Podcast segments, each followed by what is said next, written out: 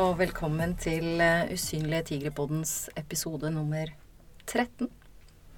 Dette er podkasten som vil gi folk kunnskap og innsikt om rus og pårørende. Eh, Og akkurat eh, hvordan familien rundt har det, det er noe som er et viktig tema eh, å belyse. Og ikke minst et viktig eh, område hvor mange mennesker sitter rundt i Norge og trenger hjelp. Eh, alle mammaer, pappaer, søsken, besteforeldre, de eh, kjenner på hvordan dette påvirker livet deres i ulik grad. Og i dag så har jeg, Jeanette Flagstad, som leder Usynlige tigre, nettverket for pårørende i Norge, fått lov til å få med meg to personer som bidrar til en bedre hverdag for pårørende til rusavhengige rundt omkring i Norge. Jeg eh, har gleden av å ha med meg Karin Tuvmarken fra NKS eh, veiledningssenter i Midt-Norge. Mhm. Og så har jeg med Unni Åse Selstø, leder av eh, NKS veiledningssenters kontor eller avdeling i Vest-Norge. Mm. Jeg tenker at vi, vi, det fins jo flere sentre. NKS veiledningssenter. Vi har fått et sykdomsforfall fra hun som eh, kommer fra sør. Eh, Tove er så forkjøla at hun klarer ikke å snakke. Da er det ikke noe vits å være med i podkast. Men vi skal nå prøve å representere både Tove og eh, NKS veiledningssenter oppe i nord eh, også. Litt i denne podkasten her. Jeg har lyst til å spørre aller først deg, Karin. Du er engasjert i dette feltet. Hvor kommer ditt engasjement fra? Ja, det, det kommer fra en, eh, for det første en veldig lang eh, yrkesbakgrunn i forskjellige, på forskjellige plasser. Og så eh, har jeg opp gjennom årene hatt en pårørenderolle sjøl. Mm. Både opp imot rus og psykisk helse. Så jeg har i perioder vært eh, midt i stormen. Ja, nettopp. Mm. Når du har jobbet i feltet fra før, hvor har du jobba da? Jeg har eh, 20 år fra kommunalt barnevern, både som saksbehandler og leder. Mm. Kriminalomsorgen har jeg jobba i. Jeg har jobba i barne- og ungdomspsykiatrien. Jeg har prosjektert et familiesenter for mor-barn. Og jeg har jobba i rusbehandling. Ja. Og før jeg kom til veiledningssenteret i 2013. ja. Fint, takk. Og så vil jeg spørre deg, Juni. Du jobber innenfor dette feltet. Hva er det som gjør at eh, du gleder deg til å gå på jobben hver dag? Jeg syns det er veldig spennende å møte mennesker som, som har kommet til et punkt i livet der de ønsker å gjøre noe annet enn det de har gjort. Det opplever jeg veldig mange som kommer til oss, at de har prøvd noe som ikke fungerer lenger, eller de er slitne og frustrert, så de ønsker å gjøre noe annet. Og det å få være med på den, på den turen, og lytte og prøve å forstå og bidra til å jeg kan ikke ta valgene for dem, men det å være med å bidra til at valgene de gjør, er gjennomtenkt og bevisste. Sånn ofte når det er travelt og en er glad i noen som har det veldig vanskelig, at en bare blir dratt med i et, et sug uten å tenke seg om. Det er også å, å ta valg, bevisste valg. Ønsker jeg å være med på dette, eller vil jeg sette noen grenser, eller det en gjør. Jeg skal være bevisst, for da er det enklere å leve med. Mm. Mm.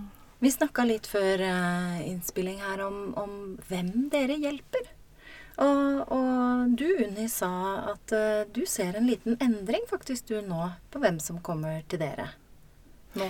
Ja, um, jeg har jobbet åtte år på veiledningssenteret, og i det som har endra seg, som jeg har sett ganske tydelig det siste året, er at eh, fra at det er helst mødre som oppsøker oss, så er det nå flere foreldrepar som kommer sammen. Enten begge er biologiske foreldre, eller den ene er, er stefar eller stemor. Mm. Mm.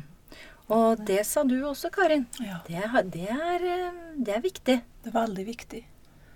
Og vi, vi gjorde en litt sånn styrt endring på det, fordi at vi, vi hadde så mange mødre som tok kontakt.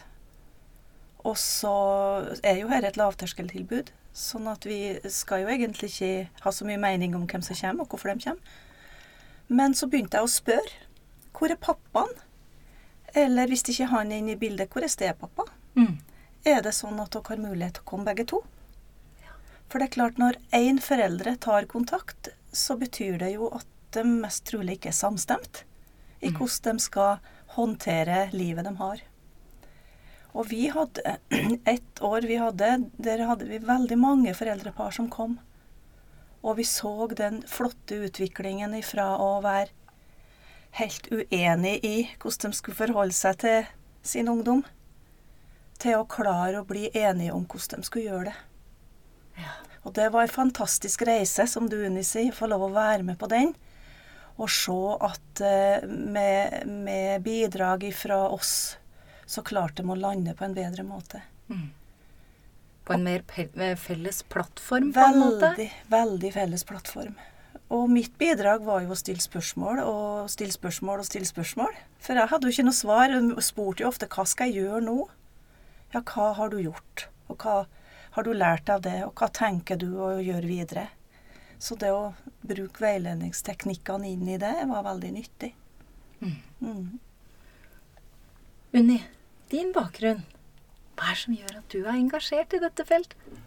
Jeg har jobbet i mange år i både psykiatri og rusbehandling, og alltid forholdt meg til pårørende gjennom pasienten. Uh, og ja, etter å ha jobbet lenge, eller mange inn- innenfor som jeg har møtt i rusinstitusjoner, fine folk som gjør det vanskelig både for seg sjøl og familiemedlemmer med sin rusavhengighet. Eh, og jeg hadde lyst til, så jeg en stillingsannonse da på Veiledningssenteret for pårørende, og tenkte der har jeg veldig lyst å jobbe bare med pårørende. Fordi at eh, eller, Ja, det ble på en måte en utvikling ifra der jeg var, å møte de rusavhengige og tenke mer familie og systemisk, for å kunne hjelpe rusavhengige på den måten Mm. òg. Ja, for du mener at det henger sammen? Mm, absolutt. Mm. tenker det gjør det. Jeg, jeg mener ikke at, all, at pårørende kan gjøre rusavhengige eller psykisk syke friske. Men, men samspillet den imellom kan gjøre livet enklere å bære for begge parter. Ja. Veiledning i prosessen. Mm. Vi har jo hatt eh, NKS veiledningssenter i øst, altså jo, på Østlandet her tidligere.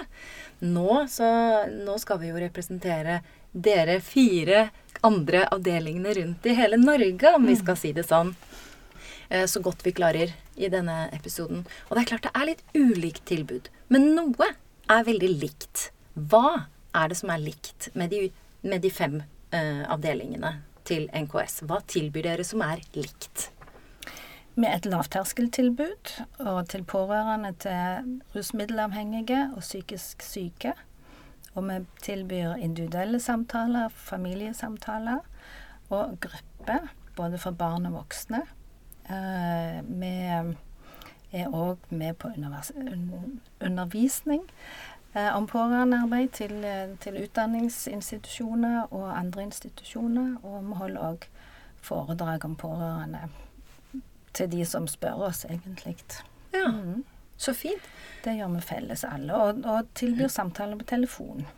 Ja, det er viktig.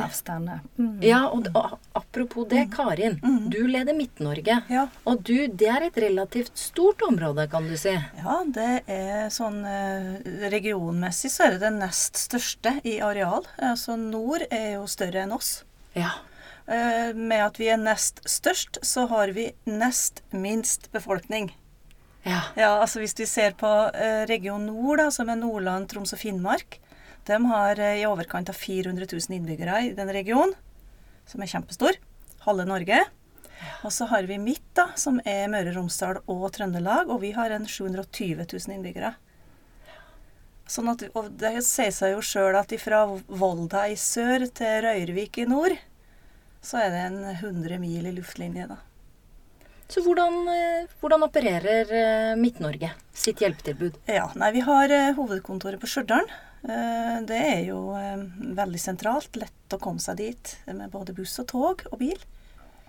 Og så har vi satellittkontor i ti andre kommuner. der at vi reiser ut og en gang i måneden og møter pårørende. Mm. Namsos og Steinkjer og Inderøy, som ble starta opp i går. Og så på Levanger. Og så er vi i Trondheim, som er vår største by, Mm. altså i regionen. Og så er vi i Kristiansund, i Orkanger, på Ørlandet, Røros, Surnadal. Jeg tror det var ti. Ja. Bra. Mhm. Men uansett, da. Eh, satellittkontorer eller regionskontorer. Jeg tenker jo det nevnte i stad, at dere har telefonveiledning. For vi merker jo veldig godt, og det, det er på vår, på vår offentlige Facebook-side Usynlige tigre, så, så merker vi veldig ofte at det er tigre som kommer inn i gruppa, er nye og spør hvor er det noe rundt meg. Det er tydeligvis ikke godt nok kjent, altså. Å nei. Hva tenker du om det, Unni?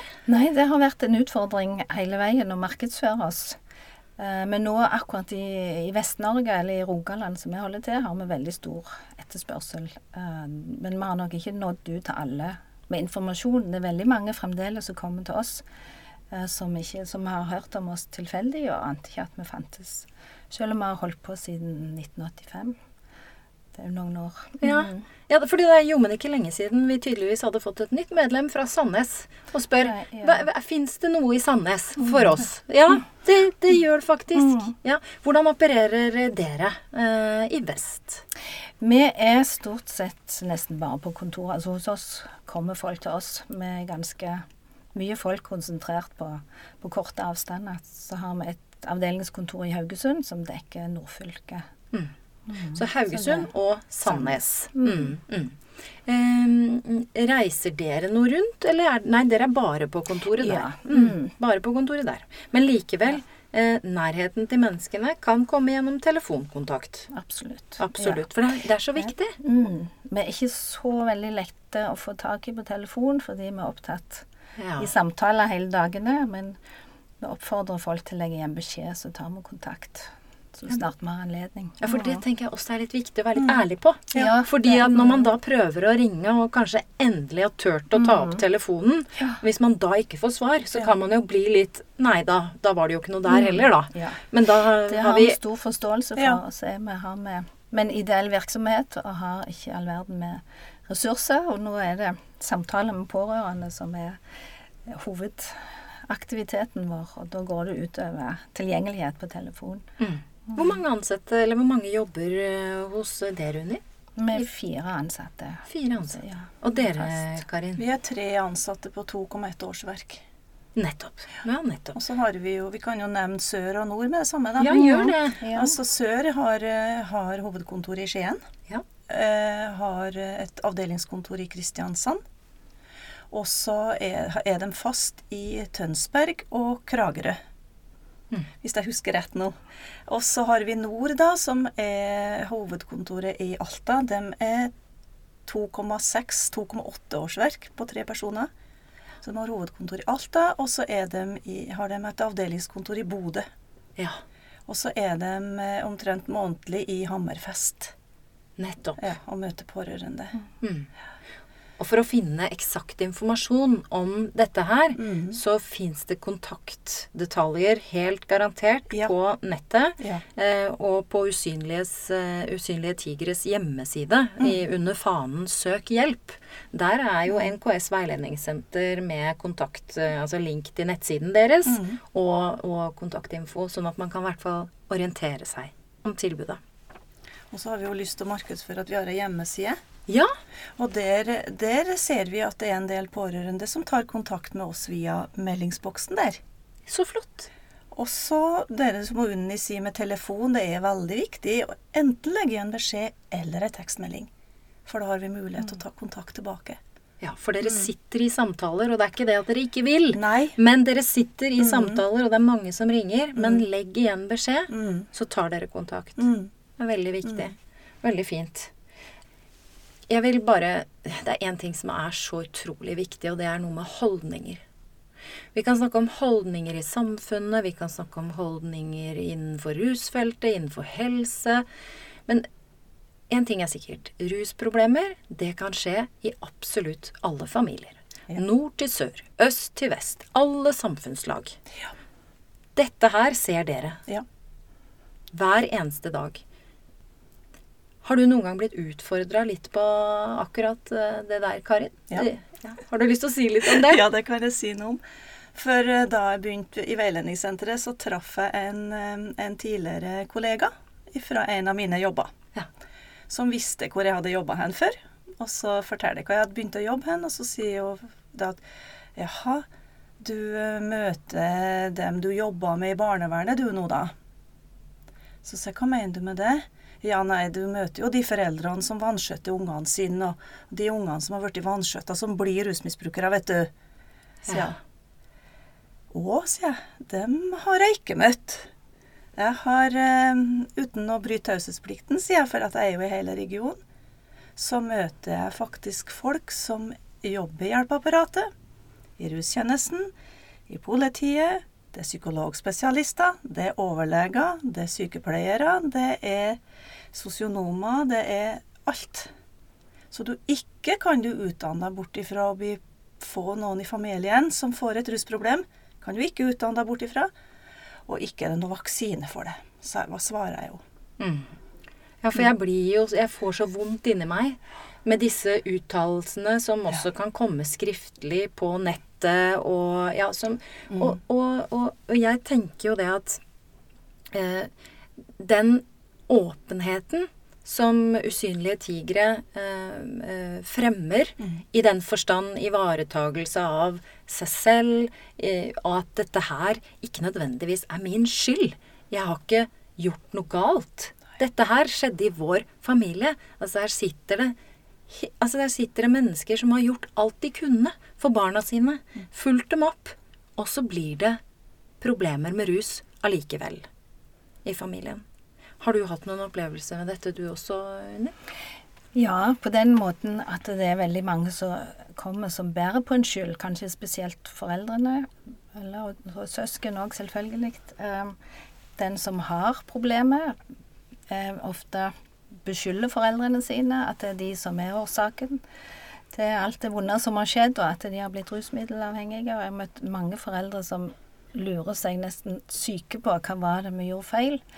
Fordi at en tenker at hvis en finner ut hva en gjorde feil, så kan en gjerne reparere og gjøre det riktig Ja. igjen. Og, og det er ikke sånn det er. Altså det, det, er ingen, det er ingen pårørende som ønsker at sine skal ha en rusmiddelkarriere eller bli psykisk syke. Det er ikke Det begynner ikke der. Nei, så klart ikke. Og så hvor hensiktsmessig er det da å prøve å lete etter det?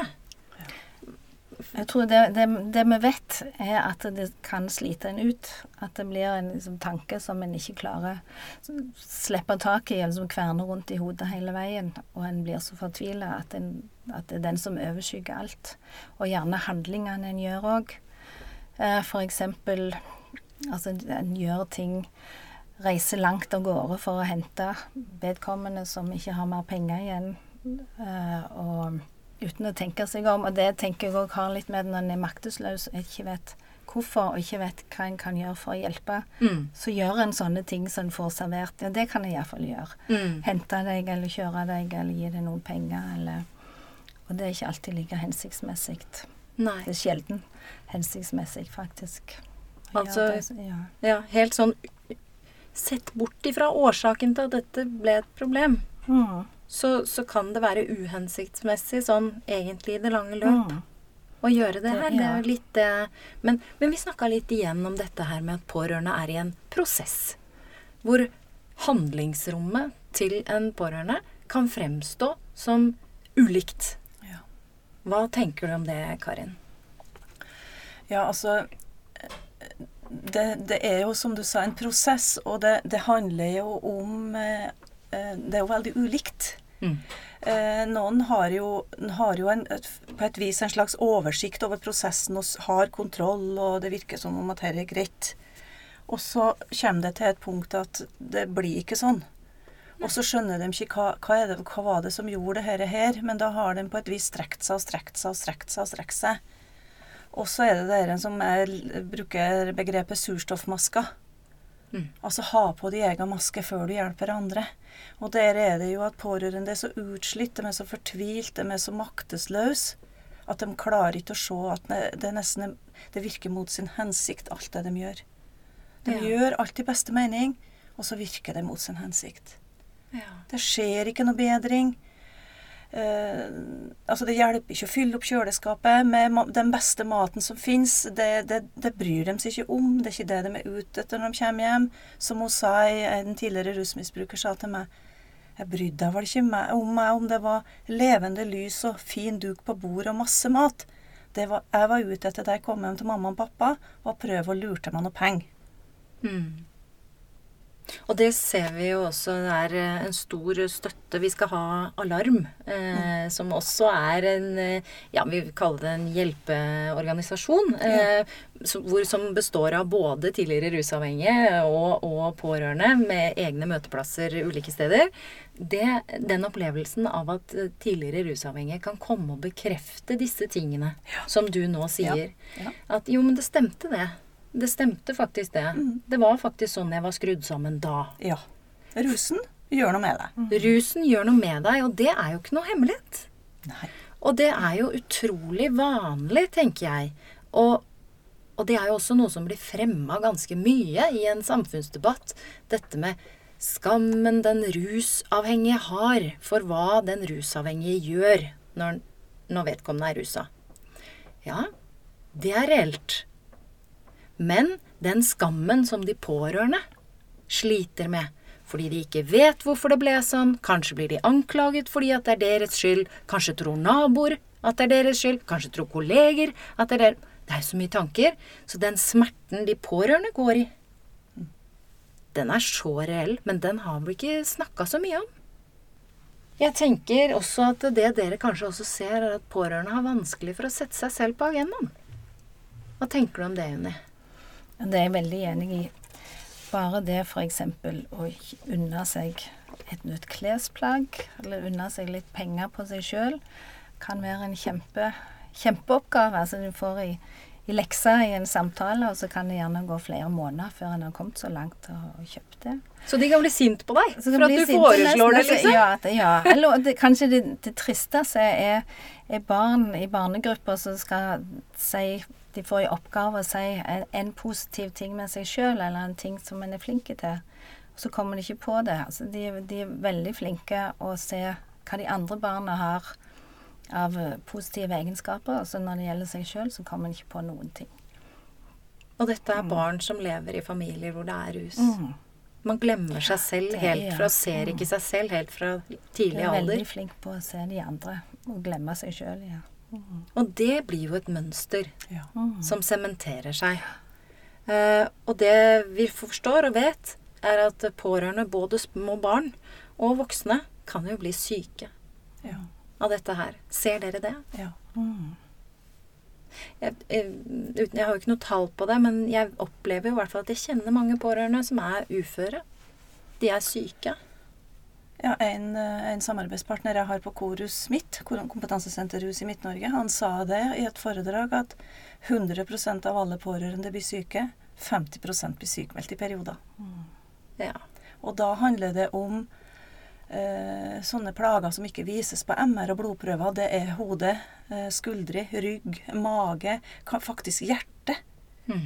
Eh, som, eh, som de får plager i. Borgestadklinikken hadde jo en undersøkelse på dere for noen år siden. Mm. Så det er jo dokumentert.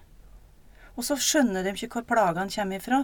Så går de til doktoren, og så driver doktoren og skriver ut rekvisisjoner og sender dem på CT og alt det der og så er det ikke noe svar. Har de da nevnt at de er pårørende til rusavhengige? Nei, for det, det, tenker ikke, det tenker de ikke er noe problem. Sant? For det, det er jo deres liv. Og da, også når du ikke har en lege som heller ikke spør hvordan er det med rus hjem til deg? Er dette egentlig et sånn virkelig Det oppfordrer vi til? Ja. Når du er hos fastlegen din, Ja. tør å fortelle at det er rus. Hvordan kan de uttrykke det? Hvordan kan man si sånt til en lege? Nei, altså du kan jo si det at eh, jeg har jo ei datter som strever. Ikke sant? Så er det opp til legen å stille spørsmål, da. Mm. Eller jeg har ei kone som drikker. Mm. Ja, hva er det? Sant? Mm. Men jeg har jo, av alle de pårørende jeg har møtt, så har jeg jo spurt hvor ofte har du blitt spurt om ditt eget eh, alkoholbruk? Og så tenker jeg på meg sjøl. Hvor ofte har legen min spurt om mitt forhold til alkohol? Jeg er jo ei godt voksen dame. Mm. Jeg har ikke opplevd det ennå. Nei, Så det er ikke så vanlig å spørre om. Nei, tydeligvis ikke. Nei. Nei. Men det kan ha stor innvirkning. Veldig stor innvirkning hvis jeg drikker på en sånn måte som at det går utover familien min. Og da er det ikke mengde, men da er det atferd. Mhm. Og det dere ser, er at det trenger ikke å skulle så mye til før at pårørende opplever en bedring. Har du lyst til å si noe om det? Ja, Um, nei, det skal ikke mye til ofte. Det, det å bli litt oppmerksom på seg sjøl. At en, vi bruker mye en sånn Seigmann-prinsippet. At, at den pasienten og de andre får liksom stor plass, og så en sjøl bare en liten tapp igjen. At det er et veldig godt bilde, syns mange, til å, å utvide den. Sånn at en skal ikke slutte å være glad i eller slutte å hjelpe andre, men en skal ta med seg sjøl i beregningen, og, og gi seg sjøl òg et rom som er like stort som de andre. Ja. Det de andre får. Ja. Å bli bevisst. Ja. Bevisstgjort. ja. Og lytte til, ikke minst. Og forstått, tror jeg. At det, at det er annerledes å møte pårørende i en pårørendesituasjon bare som de er, og ikke, der ikke pasienten er med. For at hos oss kan en bare si alt. En trenger ta hensyn til at en ikke må såre noen, eller, eller, den eller, røpe noen hemmeligheter. Eller, Mm. ja. Mm. Vi nærmer oss eh, slutten på episoden.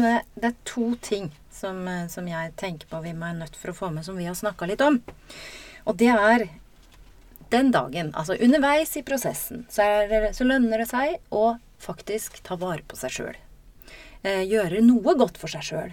Innimellom. Ta ansvar for seg sjøl også. Ikke glemme bare seg selv. Men du vet, den dagen, hvis man er så heldig da, at den rusavhengige eller den med rusproblem har lyst til å bli nykter, og klarer det, får behandling kanskje, eller på en eller annen måte klarer å stoppe, da er det jo ikke nødvendigvis sånn at alt blir blomster og ballonger, og det er, livet er helt herlig. Fordi da kicker det inn en prosess hos de pårørende. Som kan ta ja, fem år. Hva skjer da? Ja, det, det er mye som skjer da. Altså det, det er jo Den blir jo veldig fortvilt over at de på et vis ikke er frisk sjøl. Ja. Altså, de skjønner ikke hvorfor i all verden klarer ikke jeg å slappe av og være, være glad og lykkelig nå. Mm. Og så er det ikke gjort på en håndvending, det. Nei. Fordi at du har gått i det her stresset og presset i så mange år at du må på et vis bli løfta opp. Og da har jeg lyst til å nevne hun mora som var til meg, og som på én time følte at hun fikk så mye hjelp at hun tok, begynte å ta vare på seg sjøl. I dag er sønnen hennes i en kjempepositiv rehabilitering. Så jeg fikk en lang melding fra henne her en dag. Så fint. Takk for hjelpa. Tenk på den jobben hun har gjort. Jeg stilte bare noen få spørsmål. Men det er ganske krevende når du skal begynne å, å stole på noen som du har mista all tillit til, som har lovt, lovt og lurt deg mange, mange ganger. Gull Og det er på, for den som, den som er i tilfriskning, trenger å bli heia på, og pårørende er motsatt. Trenger å få bevist at den, denne gangen kommer det til å vare. Ja. Mm. Mm. Og det er en krevende situasjon for hele familien å være i. Og så tror folk utenfor at nå, nå er jo alt bare greit, for nå, Ja. nå er han jo slutta, eller hun. Mm. Og det er det ikke. Nei. Så litt anerkjennelse på det. At det er ikke nødvendigvis så lett, selv om situasjonen endrer seg for den som har vært avhengig eller hatt problemer, eller er ja, den som har hatt rusproblemet, eh, da. Og så er det jo en forskjell på å være rusfri og være fri fra avhengighet. Ja, gud. Det er sikkert en egen podkastepisode, tror jeg. Det er en egen Ja, jeg tror det er det. Du, det aller siste eh, som jeg vil eh, bare eh, gjerne nevne. Det er en krevende situasjon å være forelder til, eller søster, eller bror til, eller besteforelder til en som ruser seg. Og det er jo ikke, det er jo ikke bare forholdet til den som ruser seg, som blir satt under press. I dag har vi snakka om at eh, altså alle relasjoner blir satt under press. Mellom foreldre. Mellom foreldre og søsken. Søsken imellom. Eh, det, det er ordentlig vanskelig. Og, og vennskap kan ryke. Ja, det er mye som skjer underveis her. Og, og det er jo ikke nødvendigvis at det er noe sånn tydelig behandlingsforløp eller noen ting. Man er utsatt, og man må stå på selv. Så det å huske på, ikke bare å stå på for den, den med rusproblemet, men også for seg selv. Det, og der finnes dere, hvor dere kan bistå. Hele prosessen. Eh, så tenker jeg at det er viktig at de igjen sier det. Vi kan ikke styre den andre. Nei. Vi kan ikke kontrollere rusbruken. Vi ønsker det så inderlig. Vi ønsker det. Men det kan vi ikke klare. Nei. Og det der med å ta et skritt tilbake, som fagfolk og dere også Mm. noen ganger kan Det vet jo ofte ikke pårørende at de kan. Og at det er lov. Eller at det er greit. Nødvendig. Nødvendig. Kanskje, ja. um, er det noen av dere som kjenner til en historie om en sånn ballettdansefigur? Eller var det Tove som fortalte den når vi snakka sammen? Det var jeg som hadde den, om ikke å glemme Ja, og ikke å glemme. danse, Ja, ja, det- ja. Hvis du forteller den helt til slutt, så skal vi avslutte etterpå. Det var ei pårørende som slutta hos oss. Altså, situasjonen hjemme var egentlig uendra, men hun, hun følte at hun var klar til å gå videre på egen hånd. Og så fikk jeg en liten sånn figur av en gris med ballettskjørt. Og så sa hun at du må henge det en plass som er synlig, og så må du si til alle som kommer innom her, at de må ikke glemme å danse og ha, ha glede i livet sitt òg. At de ikke bare fokuserer på det vanskelige. Det syns jeg oppsummerer på en veldig fin måte. Mm. Fokusere på å danse. Kanskje synge litt. Og ikke bare på det vanskelige. Sett på musikken, på om det er på radioen, eller om det er på øret, eller om det er på TV-en, og dans deg litt glad innimellom. Kjempeviktig. Ja, kjempeviktig. Mm. Tusen takk til dere begge for at dere vil komme. Og så sier vi takk til nord, og takk til sør, som ikke klarte å være her i dag. Vi håper vi har klart å bringe budskapet ut om at det fins hjelp i hele landet. Ja. Tusen hjertelig. Takk.